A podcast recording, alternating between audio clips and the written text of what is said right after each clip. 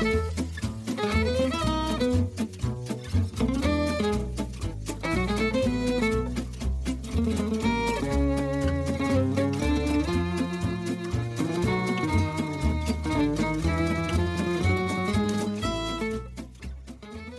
Musett er tilbake i øret ditt, procycle.no sin podkast om sykkel. Og uh, i denne uka Theis Magelsen og Simon Settlitz Nesler som skal uh, guide deg litt gjennom det som har skjedd i det siste.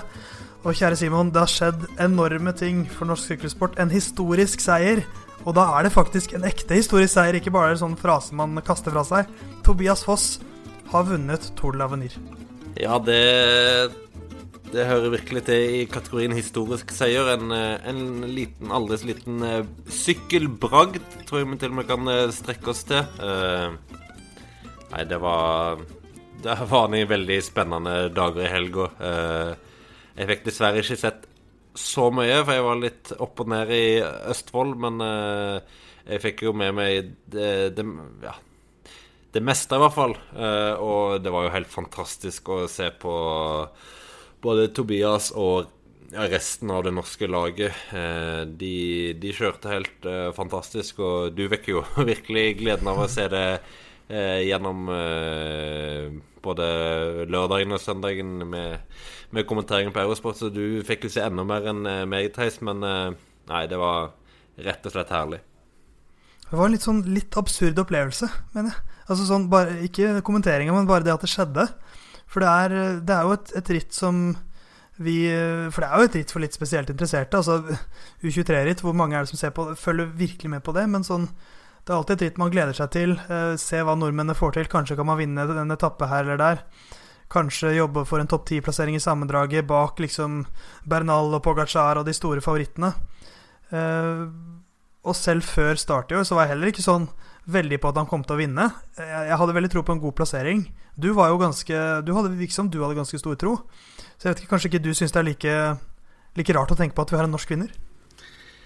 Eh, nei, altså jeg hadde jo god tro, for eh, eh, Foss eh, har eh, tatt store steg i år. Eh, han hadde en veldig god sesonginnledning. så ble han litt sjuk, så den sommeren har jo vært litt sånn middels, og derfor var det nok en del som kanskje ikke trodde så mye på at eh, han kunne vinne. Jeg så det var en del sånne forhåndstips ute før hvor han eh, ble rangert litt lenger nede, rundt den femte-sjetteplass. Men klart, altså, det er her hans fjerde avenir. Han har to ganger vært topp ti tidligere. De fleste som i det hele tatt kommer topp ti i Tour Avenir, eh, blir omtrent proffer. Altså Fra i fjor så hadde du Pogacar, eh, Gino Meder, Ivan Sosa, Eddie Dumbar blant eh, topp ti. Og året før så hadde du Bernal og eh, James Knox og Bjørg Lambrecht og Lucas Hamilton og sånt. Altså De fleste som er oppe i toppen der, går ganske direkte over til, til proffenes rekker. Foss har du da kjørt to ganger topp ti. Og da, klart, da vet du veldig godt hva du hva du møter i et sånt ritt. Eh, du er veldig godt forberedt, og Norge har gjort en utrolig god jobb. Eh, de hadde jo en eh, høydeleir, UnoX, i forkant i, i, Alpene, hvor de kjørte gjennom alt av Alt av fjell de møtte på de siste fire etappene. Så de har gjort en veldig, veldig grundig jobb. Uh, Foss har utvikla seg over mange år, og de har hatt et uh, han, han, har jo sjøl hatt et ganske klart mål for hva han vil i karrieren. Altså, han vil være en sammenlagtrytter. Han har Kall det brutt litt ut av denne klassiske norske klassikerskolen. For det er klart at uh, han er en rytter som kunne blitt en veldig god klassikerrytter. Det, det ser han jo på det han har levert òg i vår, hvor han Kjørte bra i Gent Wevelgem U23, Flandern U23, Liège-Bastogne, eh, Liège U23.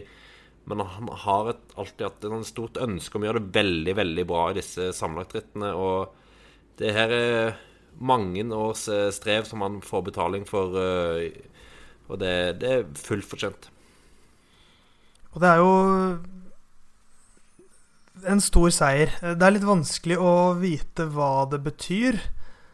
Syns jeg. Fordi at det er um, Vi har Når man setter det inn i historisk sammenheng og ser på de rytterne som har vunnet det tidligere uh, Det er jo kanskje den mest sånn naturlige måten å tenke betydningen på. Uh, og spesielt den rekka Spesielt hvis man ser fem år tilbake i tid, så er det en helt vill rekke med ryttere. Uh, vi kan egentlig gå tilbake til 2010 og bare lese opp navnene som har vunnet Tour de l'Avenir før Tobias Foss.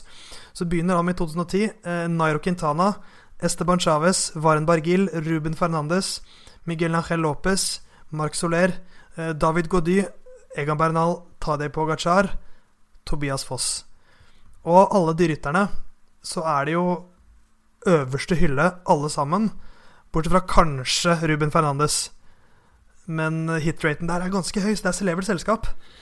Ja, det er veldig celebert selskap. Eh, så bare å være oppe i, i den rekka der skaper veldig store forventninger. Det, er litt det samme som når du vinner VM U23. Altså Ser du på de som uh, vinner der, eller i hele tatt bare kommer på podiet, så er det jo stort sett uh, flust av gode proffer.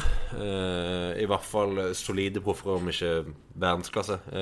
Mens i, i, Avenir så er det jo ja, Du får et etapperitt, så da, da har du ikke noen Det er ikke en tilfeldig tilfeldig angrep som holder unna. Altså, når du har et så langt etapperitt, så er det den sterkeste som vinner. Ganske enkelt eh, og klart, og da, da får du store stjerner fram. Men eh, klart, en skal jo òg huske at Egan Bernal er jo fremdeles ung nok til at han kunne deltatt i Tour Lavnir i år. Eh, Foss, som, som kjent, eh, altså har vært to ganger topp ti tidligere. Eh, det, er en, det, er en, stor fordel, så jeg tror ikke en skal ha de samme forventningene til Foss som eh, en en hadde til Banal. Eh, fordi ja, det, er en, det er forskjell på å vinne to Lavenir som 20-åring og 22-åring etter flere forsøk. Men eh, det er en fantastisk fin rekke å være en del av. Ja, for det er, det er liksom Det er det der med at ingen trær vokser inn i himmelen. Og, og det finnes unike talenter som vinner Tour de l'Avenir. Bernal er et sånt et. Uh, Tadej Pogacar også, han er 20 år gammel nå, så han er yngre enn Tobias Foss, han også. Og dette er ikke noe jeg sier for å liksom nedverdige eller gjøre verdien av den seieren mindre, men det handler litt om, om å kontrollere forventningene, syns jeg. Fordi at det er to år siden Bernal vant Tour de France. Tour og det er vel Ja, ja Tour de l'Avenir.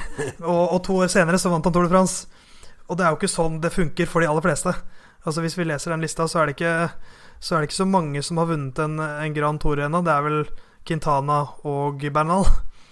Uh, og så kanskje får vi se åssen de andre klarer seg etter hvert. Men, men, det er jo et potensial her. Og jeg tror det viktigste nesten er, som Tobias Foss selv sa, har sagt, at han får en bekreftelse på at dette er noe han mestrer, at dette er noe han kan bli veldig god av, at han er bedre i dette enn veldig mange av hans jevnaldrende.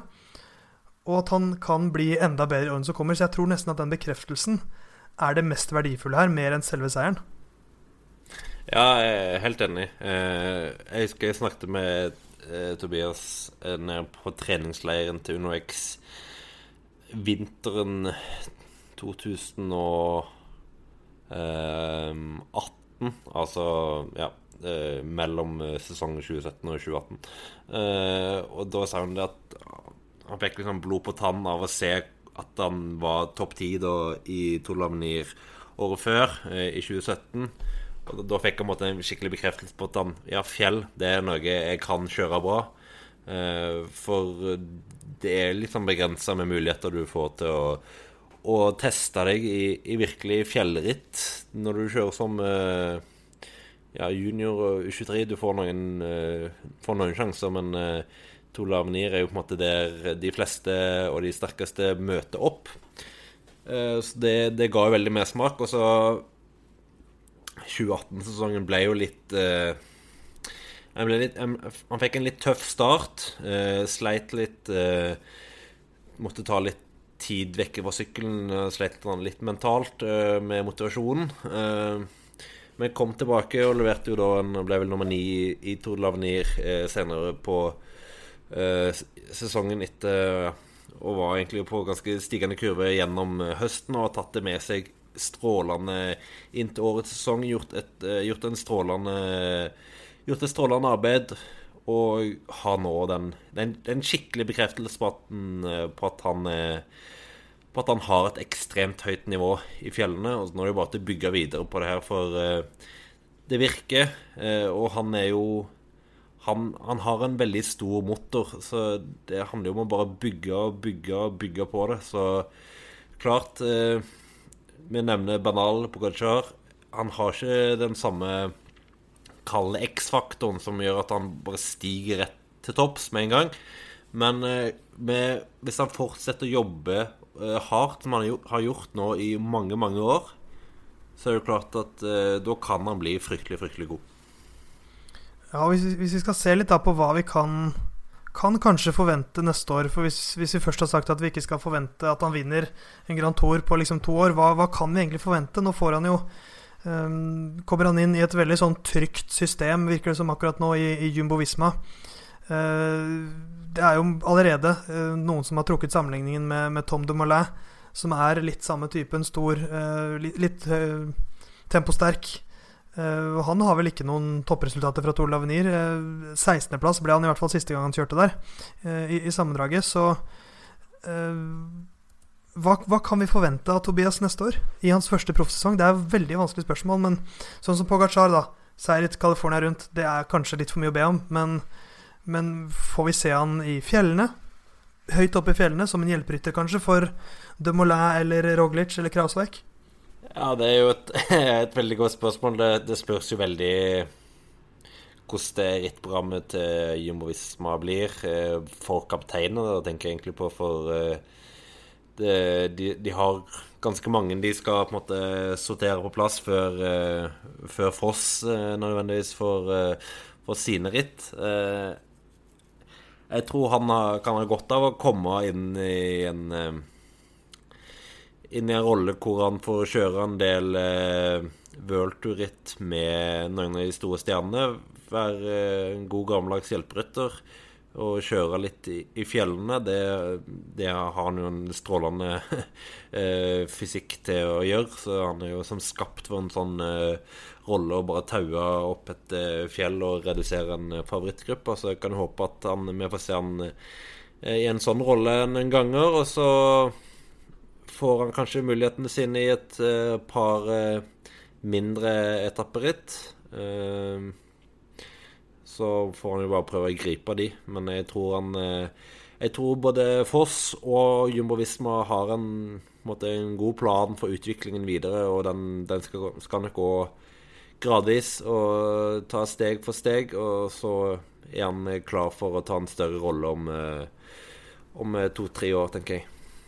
Ja, og det, jeg tror det er veldig riktig å, å bygge steg for sten, sten for sten. Og det, det som gjør meg litt betrygget, er at dette er jo åpenbart ikke noen noen sånn, hva skal man si, eh, signering pga. Tor Løvini. Det er jo en kontrakt som er signert for lenge siden. Og han, det er jo et lag som har vist interesse for Foss over lang tid. Eh, og de ser sikkert en, en, rytter der som Han er jo en rytter jeg kan se for meg om noen år sykler Grand Tourene litt som Tom Dumoulin gjør. Holder et jevnt tempo. Eh, og at han da kan kjøre hjelperytter for uh, Dumoulin kanskje i et par sesonger, det er jo en slags fin skolering. Ja, veldig. Eh, som du sier, Jumbo Visma har vært interessert i Foss i lang tid. Han ble vel eh, invitert med på treningsleir eh, ja, i oppkjøringen til sesongen 2018. Da hadde han jo den eh, Det var vel syvendeplassen var Tour Lavenir året før. Eh, og har jo hatt ganske bra kontakt med de siden og signerte ganske tidlig for de i år. Så det, det, en, eh, det virker til å være en veldig langsiktig signering, eh, og det, det er jo betryggende for uh, hva vi har i vente. Hello, I'm Alberto Contador and listen to shit. Jeg tenkte vi ikke skulle slippe uh, Tor Lavenir helt ennå. Uh, fordi at dette handler ikke bare om Tobias Foss, det handler også om en fenomenal norsk laginnsats. Det var et lite skjær i sjøen uh, før Tor Lavenir med Andreas Leknesund som skulle få sin sjanse på et par av etappene, men samtidig skulle være en viktig hjelper for Foss, som var deres kaptein. Um, men det norske laget her, det har jo virkelig slått til. Så, så, måten Tobias Foss vinner Tour Lavnir på, det er jo at han er langt framme hver eneste dag. Har et forsprang før fjellene. Og i fjellene, Simon, så er det en viss norsk U23, fortsatt regjerende U23-mester som virkelig skinner. Ja Torjus Lehn var helt eh, fantastisk. Eh, og du, nev du, nevner jo Leknesund, Kan du bare tenke hvordan det hadde sett ut om du hadde hatt Leknesund òg i, i, det fjelltoget? Eh, ikke at de andre guttene gjorde en dårlig jobb, for det hele det norske laget kjørte veldig, veldig bra.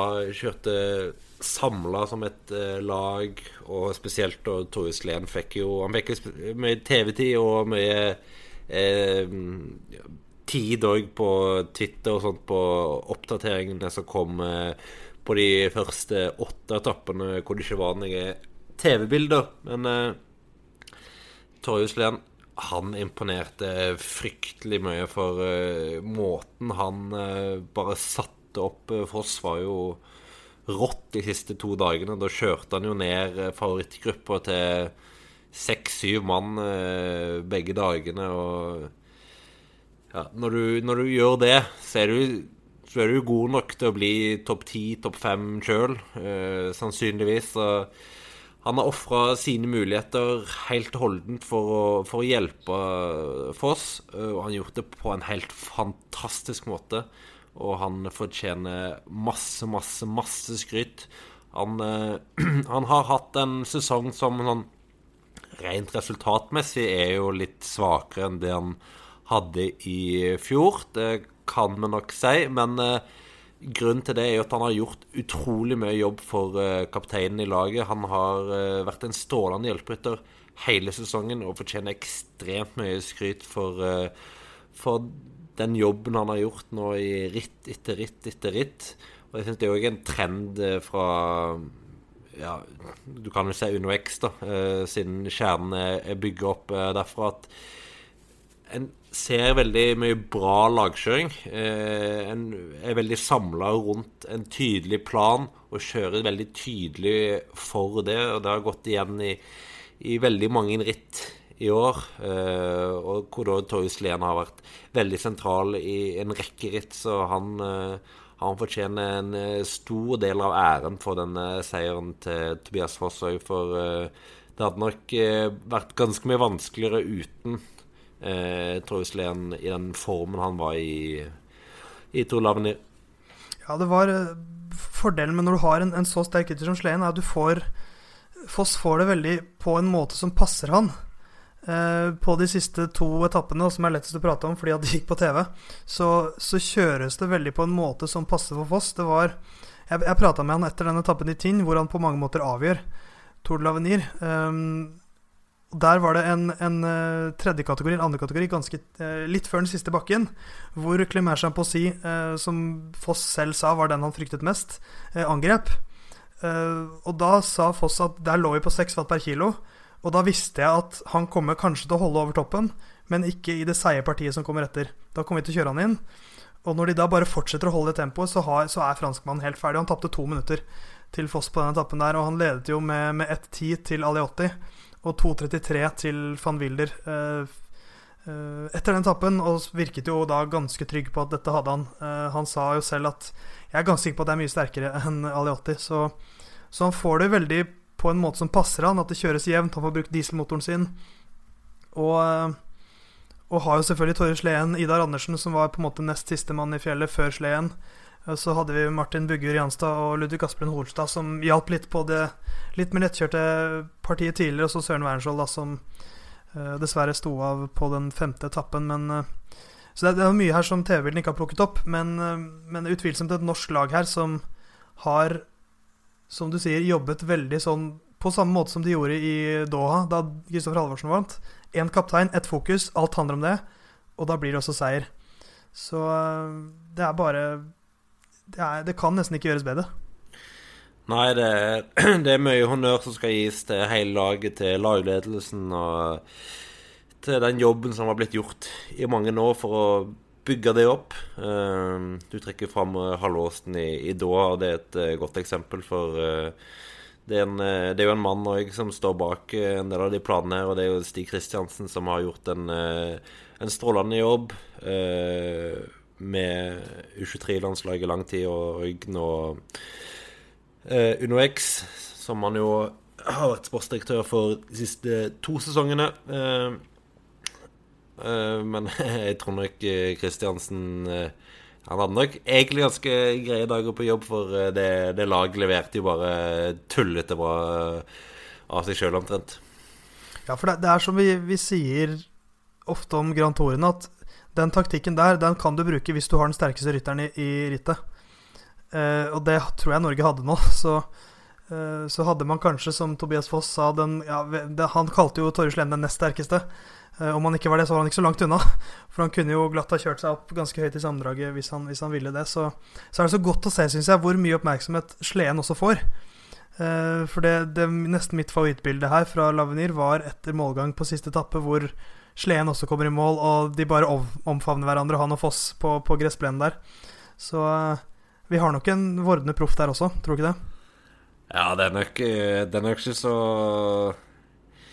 Så veldig mye mer ja, Hvis han fortsetter i det sporet, så, så, kommer jo andre lag, større lag, til å bli interessert. Det, det er det ingen tvil om, for jeg tror nok mange fikk virkelig øynene opp for Torjus Lehn de siste dagene. Eh, og det virka nesten litt som at uh, Foss hadde et ønske om at sleden skulle holde måte, helt inn til mål på den siste etappen. Sånn at de uh, Jeg så for meg at de måte skulle komme hånd i hånd over målstreken, men nå ble det litt hardsjø den siste halvannen kilometeren, så måtte, måtte han kapitulere akkurat. Men Nei, det er uendelig mye skritt er jo egentlig eh, det som er i senderetning. retning Torgersland og det norske laget.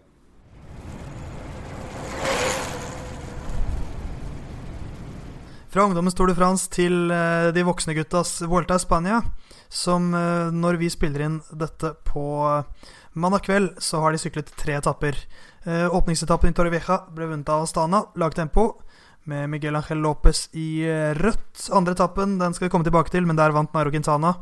Nicholas Roach han syklet seg inn i rødt, mens en annen ire opplevde suksess i Alicante i eh, dag. Altså på mandag. Sam Bennett vant eh, og viser nok en gang hvor god han er. Men Simon, jeg tenkte vi skulle fokusere mest på det som betyr mest, nemlig kampen om den røde trøya. Og, vi kan jo, og det har skjedd veldig mye på de første to etappene, mye mer enn jeg trodde.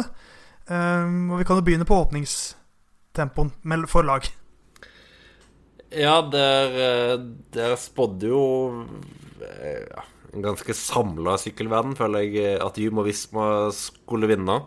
Jeg fikk ikke helt med meg hvordan de egentlig lå an. Jeg så noen rapporter om at de egentlig var noen sekunder bak. Men uh, uansett, de velta jo, uh, så godt som hele laget. Det gjorde UAE òg, uh, for så vidt. men Jumbo Visma sin velt fikk vel de største overskriftene. Eh, Primoz Roglic, eh, Kreuzweig, begge i bakken. Eh, og de tapte vel da rett i overkant av 40 eh, sekunder. Så det var jo en, veldig uventa start. Og det skal ha vært en, en noe som vanna i hagen, eller et vannrør som ble sprukket, et eller annet. Men det var i vann i veibanen rett før, eh, og så velta de da i svingen etterpå, egentlig. Så litt merkelig start. ja, jeg, jeg, det var jo en litt sånn småteknisk krevende eh, lagtempo. Og lagtempo gjør alltid at løypa blir litt mer teknisk krevende. Men, eh, men, det var jo vel kun de to lagene som opplevde det her. Det var jo UAE som velta først, og da gikk vel alle rytterne, bortsett fra Valero Conti, som kom sist rundt svingen, tror jeg. Jeg tror alle gikk i bakken. Så Aro og, og Pogacar, og de tapte jo enda mer. Eh, mens da uh, for, uh, for Jumbo Visma så gikk vel både Roglic og Krausveik i bakken, og tre andre ryttere. Så de tapte jo også masse tid, så Og det er jo den store favoritten for mange. Vi, vi, tippet jo alle tre Primoz Roglic som vinner. Jeg tippet Tadej Pogacar som andremann, så det var jo en krisestart for mine gutter. men vi får se, det er langt igjen. Men det er sånn som skjer. Det som også er litt interessant, er at denne, dette vannet fikk jo også kanskje en avgjørende kraft ut ifra hvem som vant etappen. I og med at det var to sekunder mellom Astana og Kenny Quickstep. Og Quickstep da rundt denne svingen eh, måtte bremse opp og svinge litt rundt bilen til Jumbo Visma som sto der, for å ta opp alle de ødelagte syklene. Så kanskje fikk det noe å si for etappevinneren også. Men, eh, men vi kan jo gå videre til den andre etappen, som jeg så på tappeprofilen og tenkte ok, andre etappe, eh, det, er det er en lang Grand Tour. Her kommer det til å bli sånn ikke så veldig hardkjør. Det blir litt posisjonskamp før de siste bakkene. Og så blir det en sånn samla spurt. Men det skjedde ikke.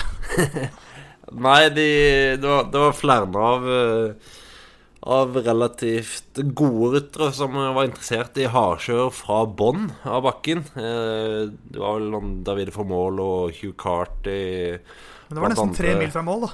Ja, så de gikk det ganske tidlig, og så, så fikk vi ganske redusert gruppe over toppen. Hvor de fleste sammenlagte favorittene satt, men du hadde jo da ikke Steven Kreuzweig der. Han var litt hemma etter den velten. Eh, Jakob Fuglesang eh, var bak, og både Wout Pools og Theo Geugen Hart tapte i over ti minutter, så de er jo helt ute av sammendraget. Så eh, det ble jo en del eh, avstand. Det var vel en gruppe på rundt eh, 15-20 ryttere som kom eh, over bakken ganske samla, men så ble det litt angrep Eh, på vei inn mot mål, hvor eh, en mindre gruppe sleit seg av gårde, og hvor da igjen Nairo Quintana angrep med tre kilometer igjen og vant solo. Foran en gruppe da med bl.a.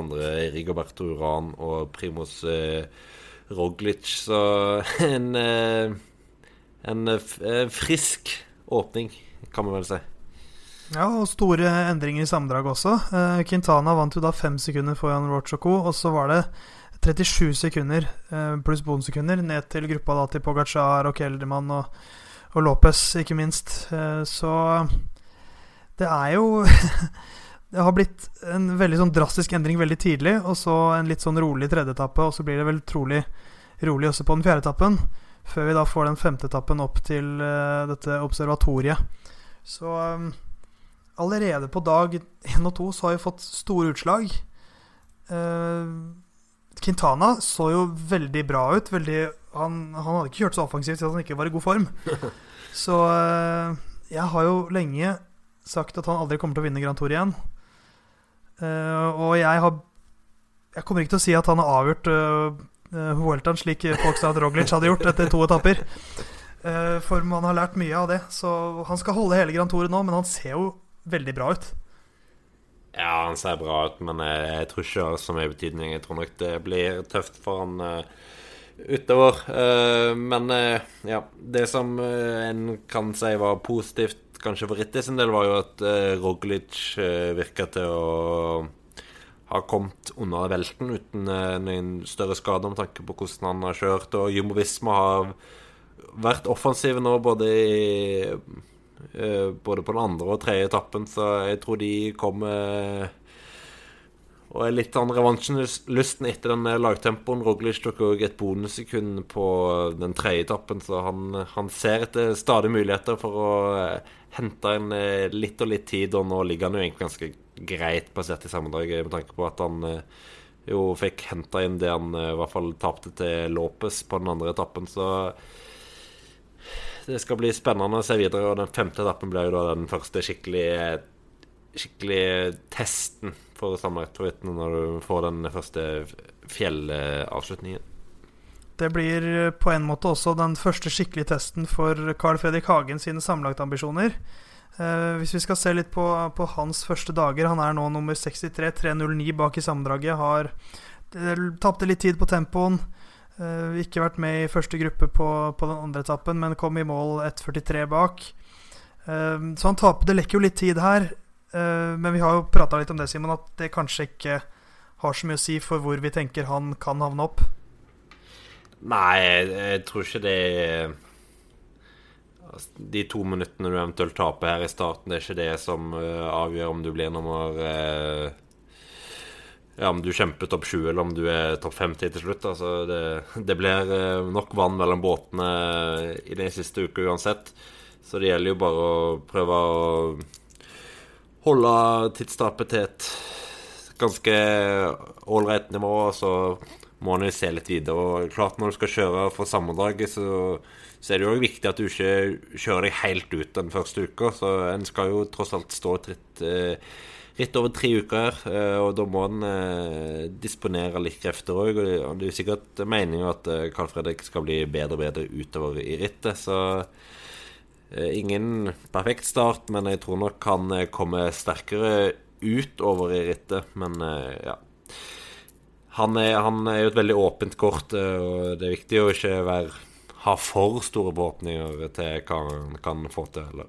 Jeg er Carl Fredrik Hagen, syklist på Lotto Sodal, og du hører nå på podkasten Musett. Til litt mer hjemlige trakter, selv om det er mange nordmenn som trives i Alicante, så er det enda flere som trives i Halden. Uh, og der fikk de se et syn som de også fikk se i 2018, nemlig Marianne Voss som er ganske rå. I fjor vant hun eh, tre etapper, alle tre. I år var det fire etapper, og da vant hun tre av dem. Hun ble nummer fem da på den første etappen i Horten. Så eh, hun har hatt en Jeg finner ikke det norske ordet, men resurgence, Marianne Voss. Og den er veldig tydelig her i Norge, eh, for hun kjører fletta av mange ryttere her, Simon. Ja, jeg snakket litt med henne etter målgang på søndag. Hvor hun hadde vunnet igjen eh, den fjerde etappen. Vant hun da tre av fire etapper og vant sammenlagt for tredje år på rad. Så eh, hvorfor hun likte seg så godt, eller hvorfor gjorde det så godt eh, i eh, Østfold og Vestfold og ja, Ladies of Norway. Eh, og da trakk hun vel egentlig fram det at eh, de lokale rundene passer veldig godt for henne. Litt sånn kriteriumsaktig avslutning på rittet, og det, det passer fint for godeste nederlandske Foss. Eh, så Nei, hun så ursterk ut, som, eh, som hun ofte har gjort i, i karrieren sin, og hadde jo ganske grei kontroll, egentlig, i det rittet. Hun var, hun var den beste, ganske enkelt. Men eh, hvis vi går tilbake til starten i Horten, så var hun jo ikke den raskeste. Da var det Lorena Vibes, som er eh, ganske mange år yngre enn eh, Marianne Voss. Hun er bare 20 år gammel, og tok da sin 13. seier for sesongen. De aller fleste på veldig, veldig store arenaer. Eh, til sammenligning Sam Bennett og Julian Alphilippe, som er de mestvinnende på herresiden, de har 12.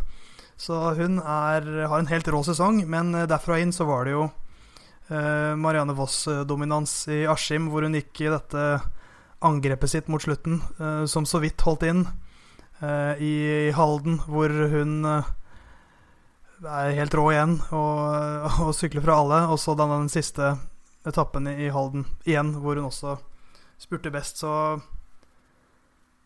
det er Marianne Voss-show. Eh, De sliter med å ta opp kampen. Coin Rivera forsøkte å følge henne, men eh, hun er vanskelig å slå når hun er i den formen hun er i nå.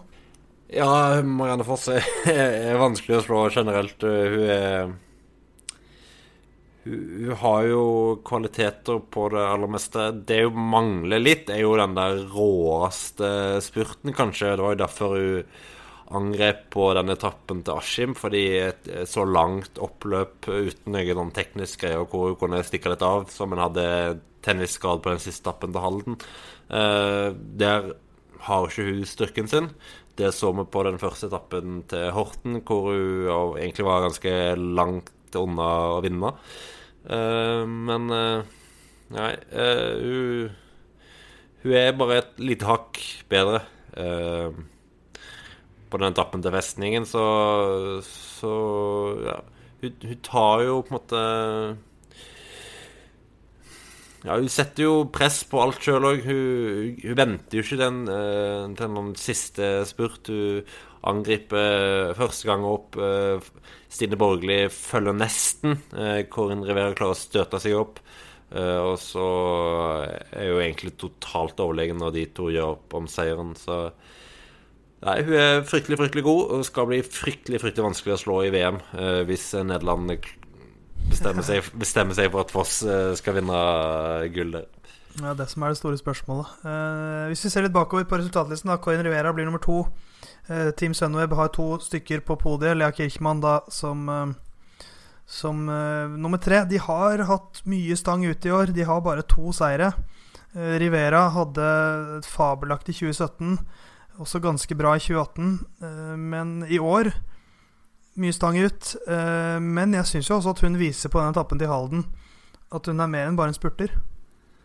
Ja, opp til festningen, ja. Ja, der var hun veldig, veldig god, så Nei, hun har Hun har vel ti plasseringer uh, som nummer to eller tre denne sesongen, men ingen seire, så det har vært mye nesten. Sånn, som du sier, to seire, hvorav egentlig ingen i uh, på en måte med Sunweb som lag. Altså Lea Kirschmann vant tempoen i canadiske mesterskapet og uh, vant så et ritt i Canada, hvor hun jeg tror hun stilte for canadisk landslag, i hvert fall eneste sønnen Britta som var med.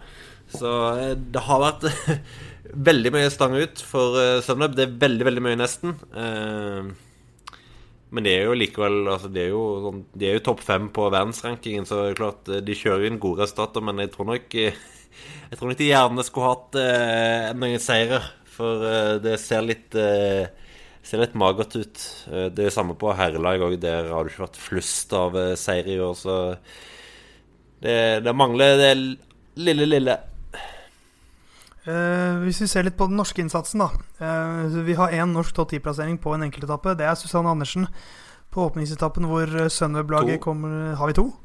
Vi tar inn nummer ti på en treetappe. Ja, stemmer. Hun lurte seg inn der. Så to topp 10-plasseringer men, og, men, også Susanne fra åpningsetappen, hvor hun uh, plutselig ender opp på spurte for Sunweb når de kom litt fra hverandre. Men uh, sånn med norske øyne så var det vel kanskje den etappen til festningen som var mest interessant. I hvert fall hvor vi fikk se noen norske ryttere prøve seg. spesielt da Stine Borgli, som hadde mot nok, for det man skal være litt modig for å følge et angrep fra Marianne Voss på den måten hun gjør. Ja, det var, det var et bra forsøk. Jeg, jeg sto i den svingen eh, Eller jeg sto på en knaus eh, og så ned på den eh, svingen, og jeg, jeg tenkte at det her så jo fryktelig bra ut. Og så sprang jeg opp til målområdet, og da var dessverre Foss og Rivera løs alene i front. Men et veldig bra forsøk, og det viser jo at hun, hun har et veldig bra nivå i sånne type avslutninger eller i sånne type bakker. da. Eh, Vita Heine dessverre altfor langt bak inn i bakken etter å ha vært hindra av velt, men hun kjørte seg jo veldig veldig bra opp og ble jo til slutt faktisk best av de norske. Eh, kunne nok vært og snust på en eh, på en plass blant de tre beste, men uh, uansett, sammendraget var jo over, så det var ikke så mye å si. Men uh, alltid litt synd eh, når en føler at uh, At en var god for mer enn det en uh, fikk til. Altså det, er, det er synd, men tiendeplass er jo ålreit til slutt. Stine Borgli blir jo nummer elleve på denne etappen. Og jeg syns nesten det beste var å høre intervjuet du hadde med henne etter målgang, hvor det er så tydelig at hun ikke er fornøyd. Mm. Det er liksom, det, vi gir henne masse skryt nå for at hun tør å prøve å følge Marianne Voss, men det holder ikke. Hun skal følge Marianne Voss, det er målet hennes. Så så det gjør at jeg er veldig spent på, på det hun kan få til i årene som kommer. Hun er jo fortsatt bare 29 år gammel, så virkelig, virkelig ta det steg i år. Ja, og 29 år, det er ikke noen alder i kvinnesykling, kan du si, så eh, Det blir veldig spennende å se. Nå eh, har jo kommet inn i Ponsette Sjø, har fått en eh, fin inngang der. Sier jo at alt er ja, som, som jeg kanskje forventer, mye mer profesjonelt og tilrettelagt og sånt enn det å ha vært vant til tidligere. Og da kan en jo tenke seg at du vil ta ytterligere steg når du, ja, når du får den eh, enda større grad av tilretteleggelsen for, eh, for, det å kunne sykle raskt eh, videre i, i, de neste sesongene. Hello, I'm Alberto Contador and listen to Musette. Så har vi nådd den norske sykkeluka, eh, hele veien fra Halden til den norske sykkeluka, eh, hvor det har skjedd en god del ting vi ikke har rukket å, sveipe innom. Så vi tar en tur til Danmark, hvor det ble dansk eh, fire, seier i sammendraget. Men nordmennene de var så definitivt med å lage sykkelritt her. Markus Holgaard ble nummer 15 i eh, sammendraget, og var også med i kampen på, eh, om etappeseieren på kongetappen til Veile, hvor han ble nummer fem.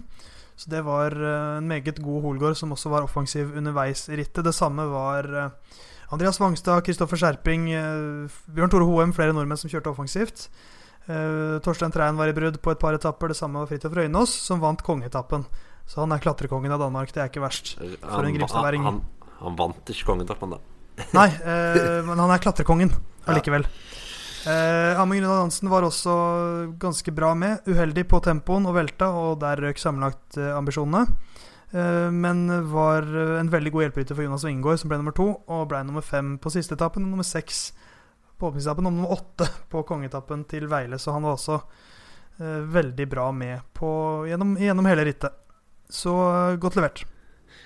Ja, men øh, viste igjen at han har et veldig høyt øh, toppnivå, og han kunne nok som du sier, vært veldig veldig høyt oppe om han ikke var for den velten. Men en velt er en del av sykkelsporten, har jeg hørt. Og så får vi òg i en liten Jeg vet ikke hva man skal kalle det, men en liten kommentar til Niklas Larsen, som vinner rittet, og som neste år kjører for UnoX. Det virker som de har gjort en, en rimelig grei signering. ja, det kan man vel si. Uh, det virker også som om Coffeedis har gjort, som skal ha Ela Viviani i sitt lag neste år. Uh, han vant Hamburg Sci Classics for tredje år på rad, uh, mens det da ikke ble noe podieplass på de norske denne gangen. Nei, Sven Erik Bystrøm og Alexander Kristoff uh, var med i finalen. Bystrøm var veldig bra med over Vaseberg siste gang.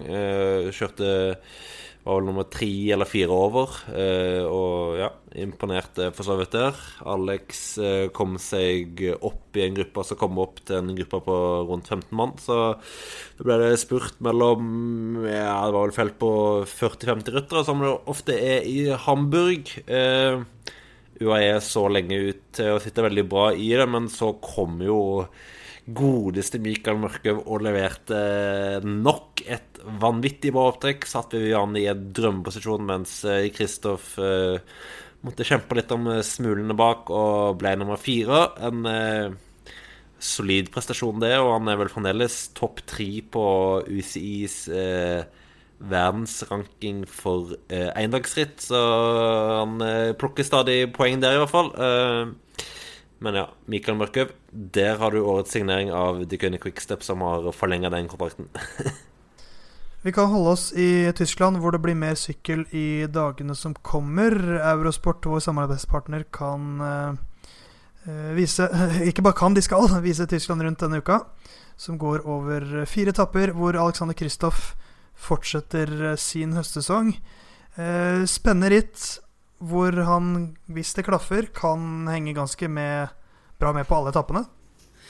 Ja, det er mm, litt eh, samme profiler som han har vært gjennom i, i Hamburg, kan en si. Altså, det, det er et hardt ritt for uh, spurterne, men uh, mulig å overleve. Uh, så har han, en, har han en veldig gode dager, så kan han kjempe i toppen på alle etappene. Så det blir en, en god test for å se hvordan bakkeformen er før, en, før det kommer viktigere ritt utover høsten. Så var det et ganske uforutsigbart ritt i fjor med ganske sånn offensiv kjøring. Men avstandene ble ikke så store, så går han inn dit med et offensivt sinn, så kan det bli gøy å følge, følge Kristoff. Um, og så er det flere endagsritt å følge med på. Ja, det største rittet nå til helga er jo Britannia Classic, eh, som jo kjøres både for, eh, for damene og for eh, herrene. Og jeg er veldig spent på hva Amund Grøndal Jansen kan få til for herrene. Han ble nummer tolv der i fjor, tror jeg. 12 eller 13. Og da ble nummer tre i spurten i hovedfeltet. Kun slått av Fabio Jacobsen og Alexander Kristoff. Uh, og det er et ritt som eh, passer han veldig bra, som et av hovedmålene hans nå i høst. Og han uh, har jo vært i veldig god form i det siste. Uh, så jeg er veldig spent på hva han kan få til der. Håper å se ham på offensiven og prøve seg, for det er jo et ritt hvor ofte små grupper kan holde unna for, for spurterne. det er jo litt motsatt av Hamburg, hvor du ofte får angrep, men at de blir henta, og så blir han spurt med 40 mann. Mens i Britannia er det ofte eh, små grupper som holder unna, mens det blir en eh, spurt om eh, femteplass eller så blant 40 mann. Så eh, jeg håper han eh, kommer til ritt med et offensivt sinn, for da kan han eh, Jeg vil si da kan han snuse på en seier. Han er såpass god. vi får krysse fingrene for Amund Grønland Hansen. I 2016 så var det han som ble U23-mester i Norge. Eh, det er fortsatt Torjus Lehen som er en regjerende mester, men eh, på søndag så får vi eh, kåret en ny en. Kanskje blir det han igjen. Vi får se. Uno X stiller i hvert fall mannsterke, føler jeg meg ganske trygg på. Coop er ikke med, men de trives i Belgia, virker det som, hvor Ålrust vant Prokermes opp Gærsbergen. En stor opplevelse.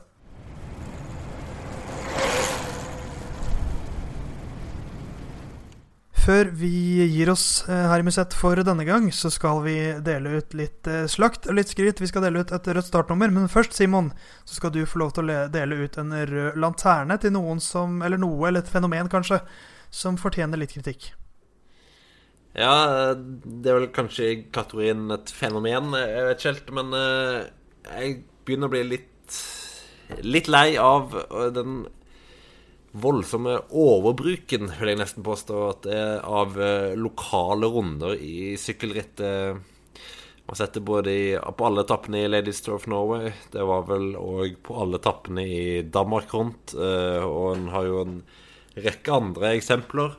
Eh, det funker fint en gang iblant, men jeg syns det blir litt mye når det blir hver eneste etappe.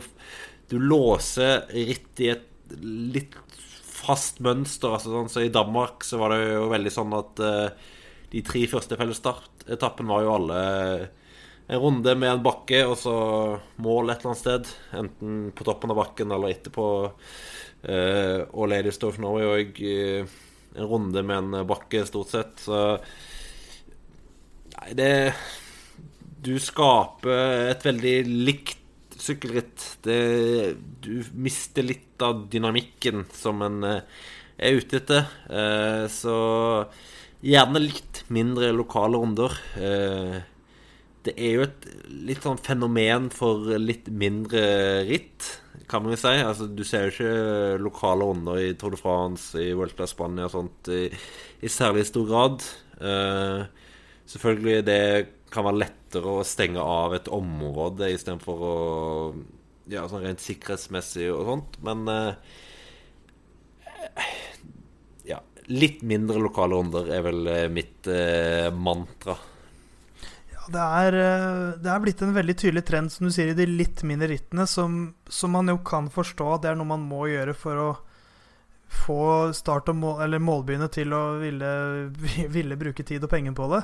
Men det er liksom sånn som i Danmark, hvor de hadde uh, ti avsluttende runder på den siste etappen og fire-fem på de andre etappene, og én runde er liksom noe annet, men uh, Men det er jo selvfølgelig for at det skal være tilskuervennlig, men sykkel er jo primært en sport som er vennlig for tilskuere på TV. Så det blir jo ikke nødvendigvis et bedre sykkelritt av lokale runder. Da blir det ofte litt mer kermesritt og litt mer forutsigbart, kanskje. Så det er utvilsomt en trend. Det kan vi vel konkludere med. ja. Det kan vi si. Men Simon Ja. Eh, det er en annen trend som jeg har lagt merke til i Andronigi og Cattoli. For nå skal jeg litt skryt. Og det går ikke til laget, men det går til en mann som Som jeg er litt usikker på om folk ler med eller av. For mannen bak Androni Giocattoli, som er dette italienske pro-kontinentallaget, eh, han heter Gianni Savio. Og han er litt av en karakter. Eh, han, mange som gjør narr av det laget for at de har så mange sponsorer. For det er så det er noe, en, en, det, Hans taktikk er ofte sånn mange bekker små gjør en stor å. Og han har klart å drive et profflag år etter år etter år.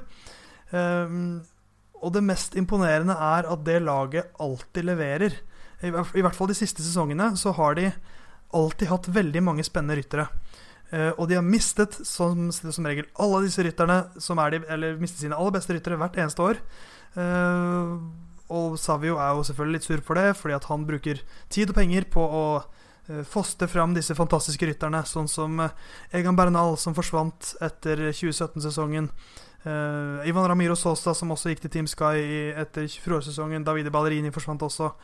Um, mens i år har han mistet uh, sannsynligvis de tre beste rytterne, nemlig Andrea Vendram, Fausto Masnada og Mathea Cataneo. Alle tre har gått til World Tour-lag. Men jeg bare vet at det laget kommer til å funke, og det kommer til å være spennende rytter der neste år også. For han Kan si hva du vil om måten han gjør det på, men han har et øye og en taktikk som funker ganske bra. Ja, nå har han jo signert eh, Nå kommer kom jeg ikke på navnet, men Cepeda. eh, han, ja, eh, han som vant den siste fjelletappen i Tour de l'Avenir på en fireårskontrakt allerede. Eh, Så han, han er god til å snappe opp de talentene der. eh, Og sånn så både Bernal og Sosa eh, hadde han jo lange kontrakter med, sånn at eh, han, fikk jo, han fikk jo en eh, fin sum med penger òg når de ble kjøpt ut av kontrakten, og han fikk vel òg en tror han hadde en opsjon når Bernal vant eh, Tour de France, at han fikk noen penger for det òg. Så han er god til å få ja, få inn talenter, utvikle de og få penger for de, og det er faktisk ganske sjeldent i sykkelsporten, for utviklingsmodellen i sykkelsporten er jo veldig ja, Det er jo ikke noe penger som forflytter seg i særlig stor grad, men Savio har blitt veldig god på, på å finne en eh, modell som funker, så han skal ha mye skryt for, eh, for det.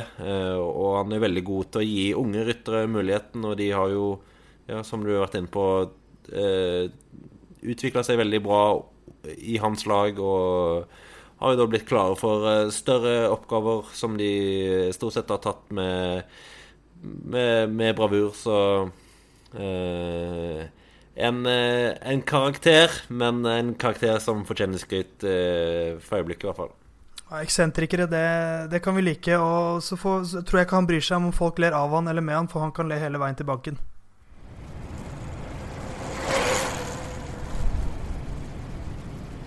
Da er eh, denne ukens Musett-episode ved veis ende. Eh, Men eh, Vuelta i Spania er godt i gang. Så Simon, vi er ikke ferdig med podkasting nå. Vi kommer tilbake i starten av september.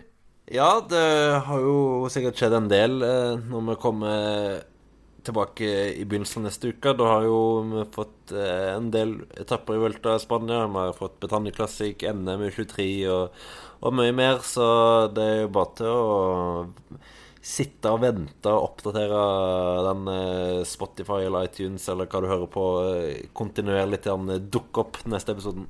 Det er et godt tips. Et tips som du også skal få fra meg, er å gå inn på iTunes og trykke på abonner-knappen eh, etter at du finner Musett, for da får du oss automatisk. Det kan du selvfølgelig gjøre i din eh, foretrukne podkast-app også, men vi setter veldig stor pris på hvis du gidder å gå inn på iTunes og finne oss der.